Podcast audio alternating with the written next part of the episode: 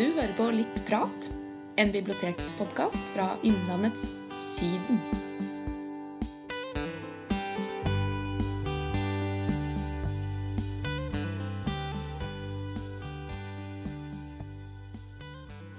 Da ønsker vi velkommen til en eh, ny episode av Litt prat. Og jeg heter Roger Grøsberg. Jeg heter Hanne Bjugstad. Og i dag så skal vi snakke om en eh, Skal vi kalle det nesten lokal forfatter? Ja, vi tar det vi får.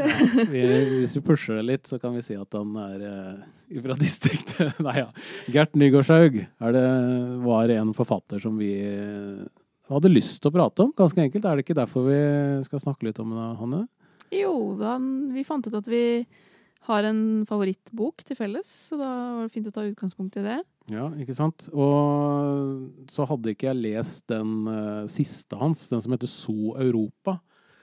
Og den favorittboka som vi snakker litt om her, det er jo folkets favorittbok. Og det var en kåring i 2007 der det var en folkejury som skulle stemme fram sin favorittroman, tror jeg det var. Mm. Eh, og kritikerne valgte seg Kjell Askildsen, og folket valgte seg Mengele Zoo, som kom Ja. i 1989. Så det var jo mange år etterpå også. Og det er jo veldig fascinerende hva som uh, skapte det engasjementet. Og den er jo fortsatt aktuell. Nå fant jo vi ut når vi drev og snakka litt her.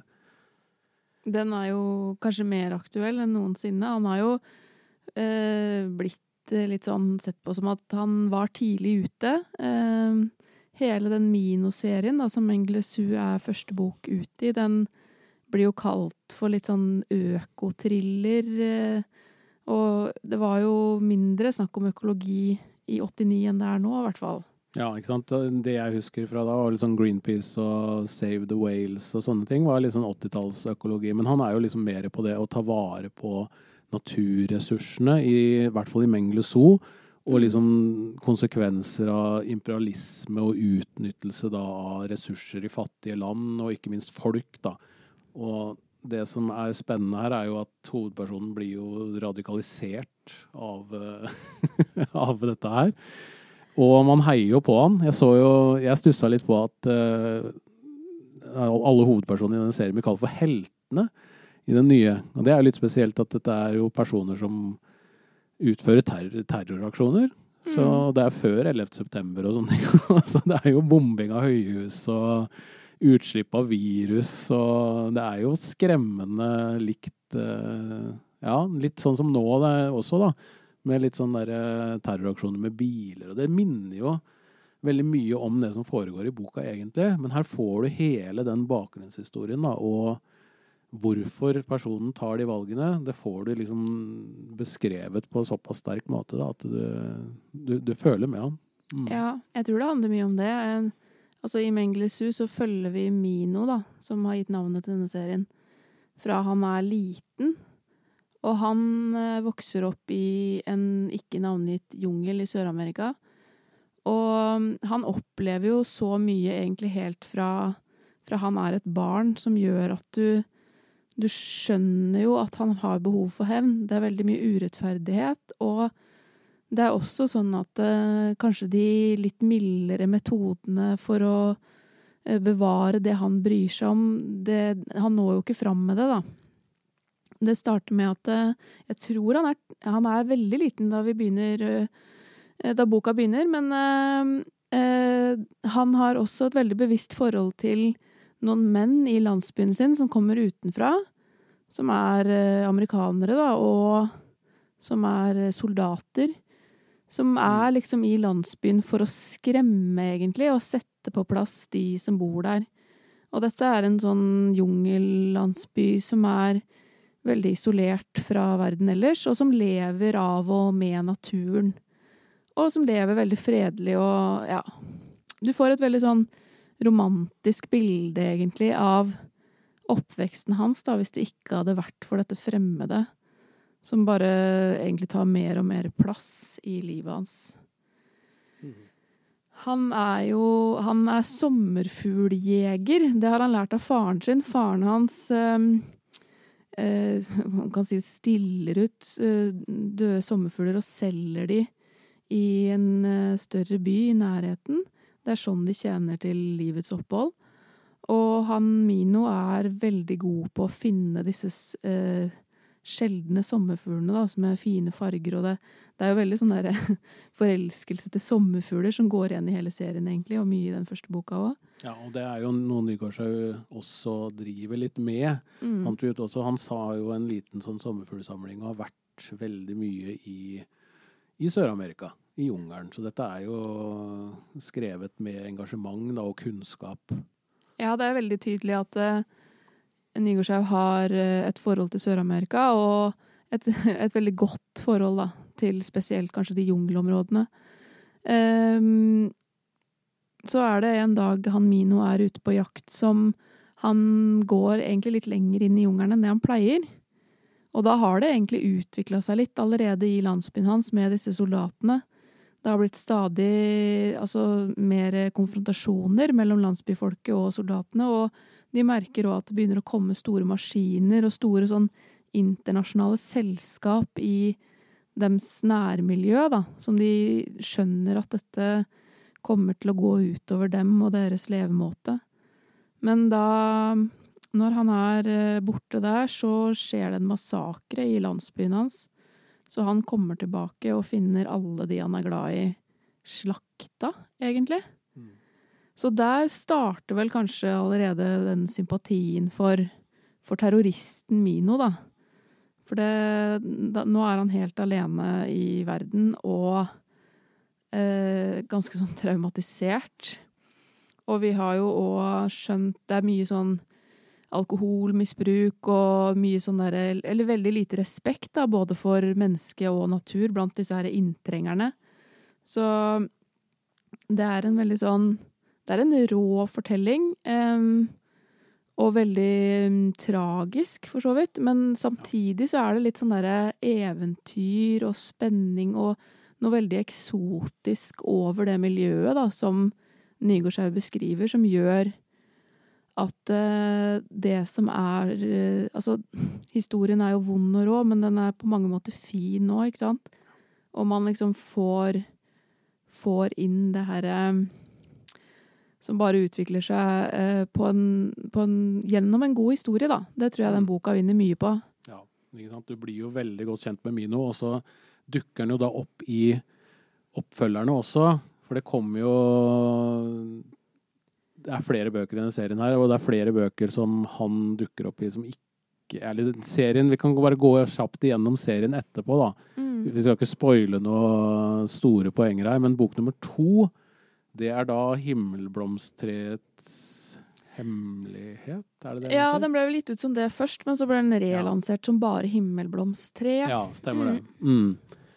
Og der dukker jo selvfølgelig Mine opp igjen, men her er vi, det er en helt annen type historie med en nordmann som uh, slipper ut av fengsel. Ja. Og ender opp i jungelen og liksom oppdager dette der rike naturlivet. Og man ser litt sånn parallell til den første boka, sånn som jeg kan huske det. Med at det er en sånn dannelseshistorie som fører til at uh, hovedpersonen Kanskje kalle det en slags åpenbaring, for å se liksom de der store bildene som uh, dukker opp i den første boka. Altså, de henger veldig godt sammen. Og til den tredje boka, det er den særeste av dem, tror jeg vi fant ut her. den husker jeg leste fordi jeg ble veldig engasjert av de to første. Og det er Afrodites basseng. Den er veldig rar og veldig sånn brutal og rå. Nesten sånn skrekkelementer i den og noen litt sånn derre mytiske passasjer, og den er veldig flytende. Uh, så den er for de som vil ha en litt annerledes uh, versjon av de to andre bøkene, i hvert fall.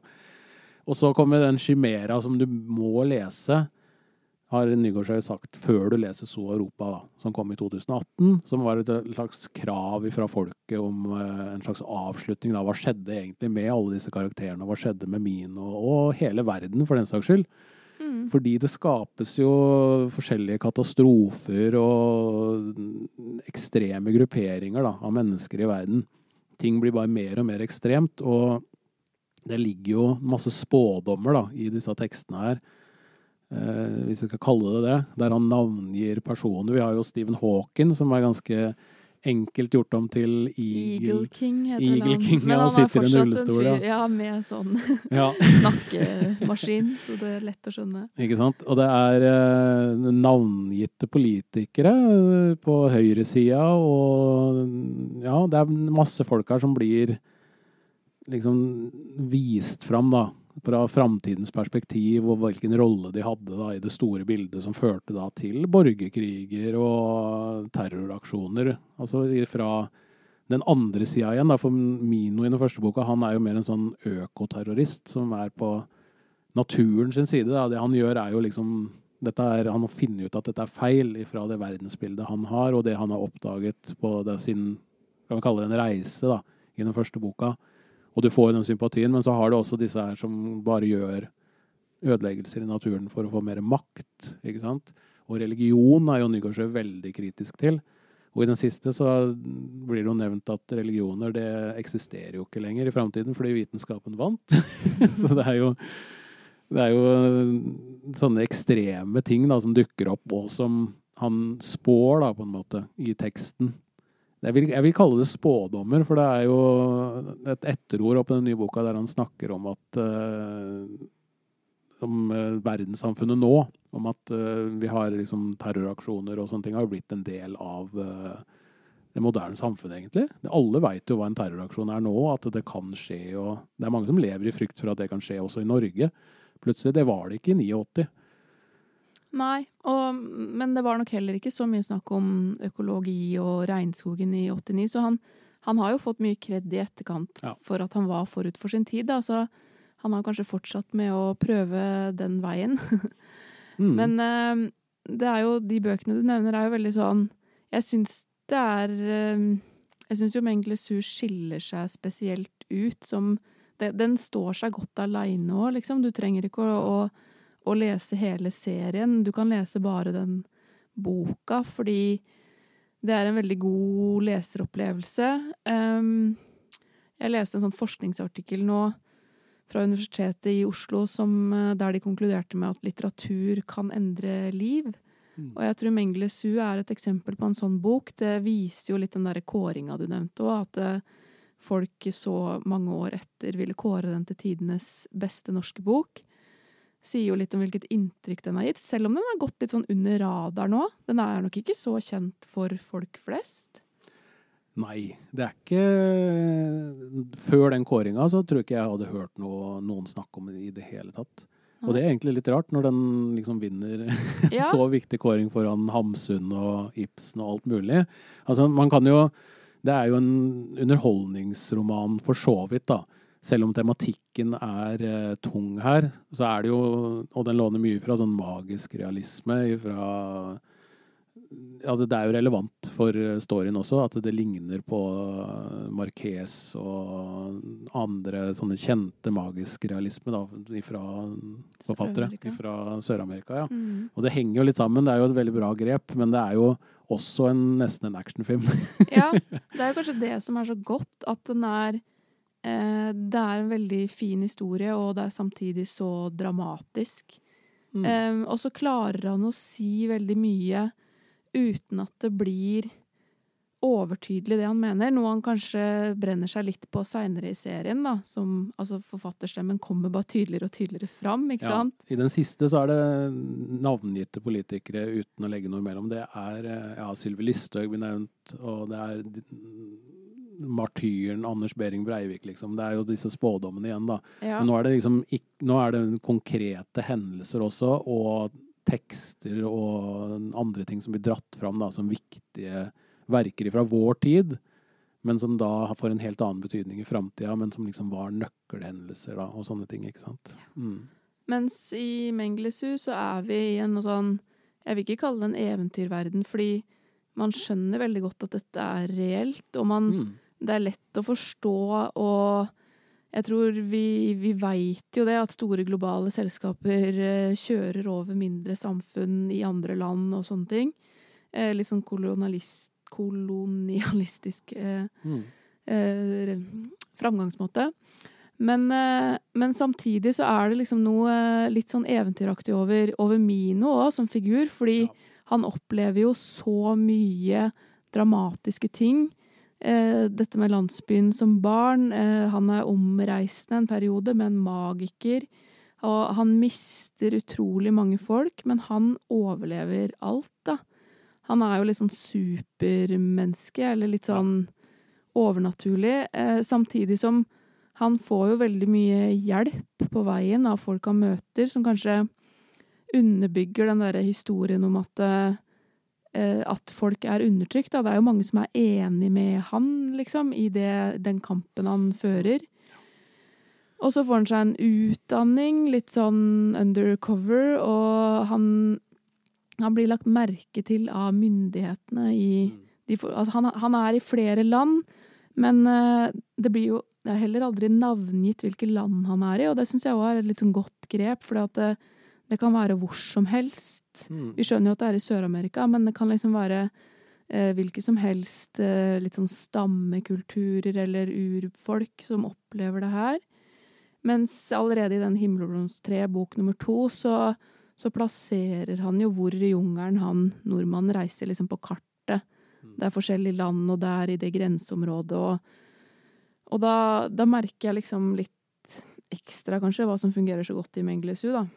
Ja, det blir mer sånn mytisk, eh, ikke bare karakter med Mino, men også en mytisk historie. Da. Det er sånn det er ikke så viktig med navn og steder, det er mer det store bildet, da.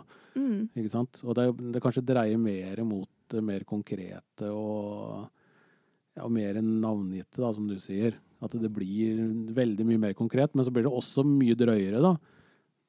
Dukker opp uh, Jeg husker det som i hvert fall et virus som gjør, uh, gjør et eller annet med folk som gjør at den tredje boka er jo Det har skrekkelementer. Det er blodig og brutalt. Og så har vi den Chimera også, hvor det er et virus ikke sant, som dukker opp, og det er blandes inn terroraksjoner. Og i den siste så er det bare en jungel som bare dekker hele verden. Ja. Og det er ganske langt ifra den lille oppveksten til Mino og hans reise til å bli Altså nesten ikke mytisk heller, men litt sånn derre frelserfigur, da. Mm. En slags natur... Uh, altså Ikke medisinmann heller, men en slags Ikke Jesus-skikkelse heller. Jeg vet ikke helt hva man skal kalle Mino, ja, men han har en veldig spesiell uh, rolle da, i det store bildet her, i hele serien. Og det er liksom der hele historien starter, og det er han som liksom utløser og er med hele veien og driver det forover. Og når han dukker opp, så veit du at han har oversikt på ting, da. Ja, mm. han er veldig berykta både hos eh, fienden og de som han er, mm. jobber sammen med, da. Ja. Og han starter jo da i den Mengles UN terrororganisasjon sammen med tre venner av seg, og mm. reiser etter hvert ut i verden. Og da får man jo, da får man jo um, navngitte steder. Han reiste til USA. Og, og da, der òg er jo Nygaardshaug god, fordi han eh, Han legger jo ikke skjul på litt sånn forakt mot Vesten. Nei. Men eh, han er nok mer subtil i Menglesu enn han er i de andre bøkene. Og, mm. og, og det at han, er, han, gjør det litt sånn subtilt, og gjør vel kanskje at vi som lesere blir litt sånn berørt da, av hvordan han beskriver f.eks. FN eller Verdensbanken. Mm. Eh, det er et sånn eksempel der som han han, han, prater om en flyulykke der eh, ja, kanskje 300-400 dør, og det liksom når overskrifter med en gang, mens eh, sånne store vestlig styrte organer som FN, eller kanskje spesielt Verdensbanken, da, eh, finansierer prosjekter som dreper flere enn det. Ikke sant? Bare at det ikke skjer så umiddelbart, men det vil aldri nå medier. Og det er mye sånne ting som er bakt inn i historien, som gjør, som gjør at uh, boka kanskje kan være litt sånn perspektivendrende. Ja. Og det syns jeg òg er uh, morsomt, på en måte, at han fyren fra Tynset skriver da en historie fra mm. Sør-Amerika som gjør at vi får ny, ser liksom på Vesten med nye øyne, da. Mm. Det er noe veldig spennende der. Som jeg syns han får til kjempegodt i den første boka. Ja, Det er en bok som uh, gjør inntrykk, både fordi det er Altså hele serien, det er jo så brutalt og, ja, og engasjerende, da. Og det blir jo bare mer og mer engasjerende med de spådoms- og vitenskapsmenn, eh, og, eller vitenskapsfolk, driver med nå om dagen, om klimakriser, og at vi faktisk må ta litt ansvar for uh, å bruke de ressursene naturen har. Da. Og vi snakka litt før vi trykte på rekord her, om liksom menneskelige interesser som makt, penger og, og religion, da, som han kritiserer sterkt i boka her, hvis vi skal bruke hans poenger. da det er liksom verdier som ikke bidrar til noe som helst for, som gagner jorda. Da. Det er bare negativt for både mennesker og jorda at folk lager seg grupperinger og kriger og dreper hverandre, og så klarer de liksom ikke å se det som vi ser gjennom Mino, da. Om at mm. naturen er egentlig det viktigste her. At vi er en del av det. Vi er ikke Altså alle menneskelige verdier, det er ingenting sammenlignet med naturen. Og til slutt så ender det jo da med at mennesket prøver å utslette seg selv, og utsletter seg selv uten å egentlig mene det, og så bare tar naturen på en måte uten å Altså det skjer ganske tidlig i siste boka, i hvert fall, med at uh, hele verden blir da dekt av jungel igjen. Og det viser seg at det er eh, kanskje en naturlig forlengelse av alt som har foregått i hele serien, da. Sånn at alt har bygd seg opp mot dette store klimakset fordi nå har det gått for langt. Ganske enkelt. Nå klarer ikke naturen å holde igjen mer, på en måte. Eller det, nå, får du, nå, får du, tilbake, da. Etter å ha drevet sånn som mennesker har drevet. Og det er ganske tydelig. Så man kan jo nesten si at dette er jo ren misantropi, mye av de, de holdningene som dukker opp her. Om at ja. hvis ikke mennesket fortsetter nå, så er, det, da er verden bedre uten er egentlig eh, mye av det som skinner igjennom, i hvert fall i den siste boka her. Ja, og, og, det er en det, det dyster jo, historie, altså. Det, den ble jo litt kritisert for det òg, den siste ja. boka, da. Den ble det. Uh, mens andre ting som han er inne på da i den første Menglesu, er jo uh, sånn arva kunnskap, egentlig, fra generasjon til generasjon, som også blir borte når man, og når man utsletter sånn små samfunn. Enten på den altså drastiske måten som skjer med Mino, men det er jo det at mange i landsbyen hadde blitt tvunget til å flytte inn til byene fordi at det, ja. de ikke hadde noe levebrød lenger. ikke sant? Og da blir disse kulturene borte, og den kunnskapen blir borte. Og den, kunnska altså den der kunnskapen til urfolket er jo Den går jo òg igjen som en sånn nærmest religiøs eller overnaturlig greie.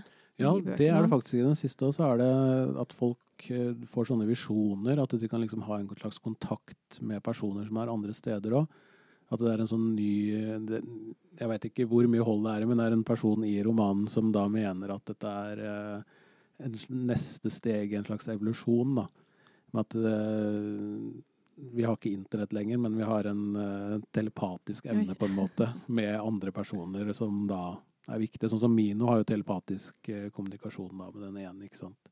Og sier hva han bør gjøre. F.eks. ikke drikke vannet fordi det er farlig. Og sånne ting, og da får du delt denne kunnskapen som før var en liten stamme, da. Men nå er den stammen over hele verden, på en måte, fordi de har fått luka ut de som ikke, ikke er en del av, av natur, altså den holdningen som man kanskje burde ha. da. Det er et eller annet der, kanskje. Så de er nå en stamme, bare at de er over større arealer, da. Så det, det, går igjen, altså. Det gjør det. Mm. Og du hører jo at det utvikler seg ganske kraftig på ja. de bøkene. Ja, det er en lang reise, det der, altså. mm, men det er i hvert fall veldig mange bøker å lese. Hvis man uh, først leser Mengele So, og så syns den var en knallbok, så er det bare å dykke ned i dette her, altså. Jeg husker i hvert fall den Chimera-boka som den, ble jo, den var jo egentlig ikke en del av serien. min, og dukker vel ikke opp inn heller, hvis jeg husker rett. Jeg er litt usikker. Nå, ikke, nå er det en stund siden jeg leste den. Men den er liksom på sida igjen, men den blir jo relevant. Så du har jo plutselig fire-fem bøker her. Mm, fem. Ja, og, da, og de er ganske tjukke. Mm. Mange av dem også. Så det er en massiv reise, dette her. Altså hvis man eh, Det er nesten som en fantasy-serie, bare at det er en øko-thriller, eh, eventyr Hva skal man kalle det? Samfunnskritisk. Det er, det er så mange sjangere her, vet du. Ja, det er veldig mye. Men jeg tenker jo da at uh, man kan fint, som jeg sa, så fint lese Mengles Hu for seg sjøl. Og også se om man vil fortsette. Ja. Men det er en bok som jeg virkelig anbefaler, egentlig. For alle. Mm. Ja. Det er jo folkets favoritt, så det, folk Ja, er, eh, er enig med deg. Det var i hvert fall det i 2007. Det kan jo ha skjedd mye med den lista siden det, da. Ja, jeg vet ikke, de har vel ikke sånne kåringer årlig, men eh, Mm. jeg tenker i hvert fall at eh, den har ikke blitt mindre aktuell Nei. de siste eh, ti åra, liksom. Det er heller motsatt. Mm, ikke sant? Kanskje den fortsatt troner på toppen. Ja. Hmm.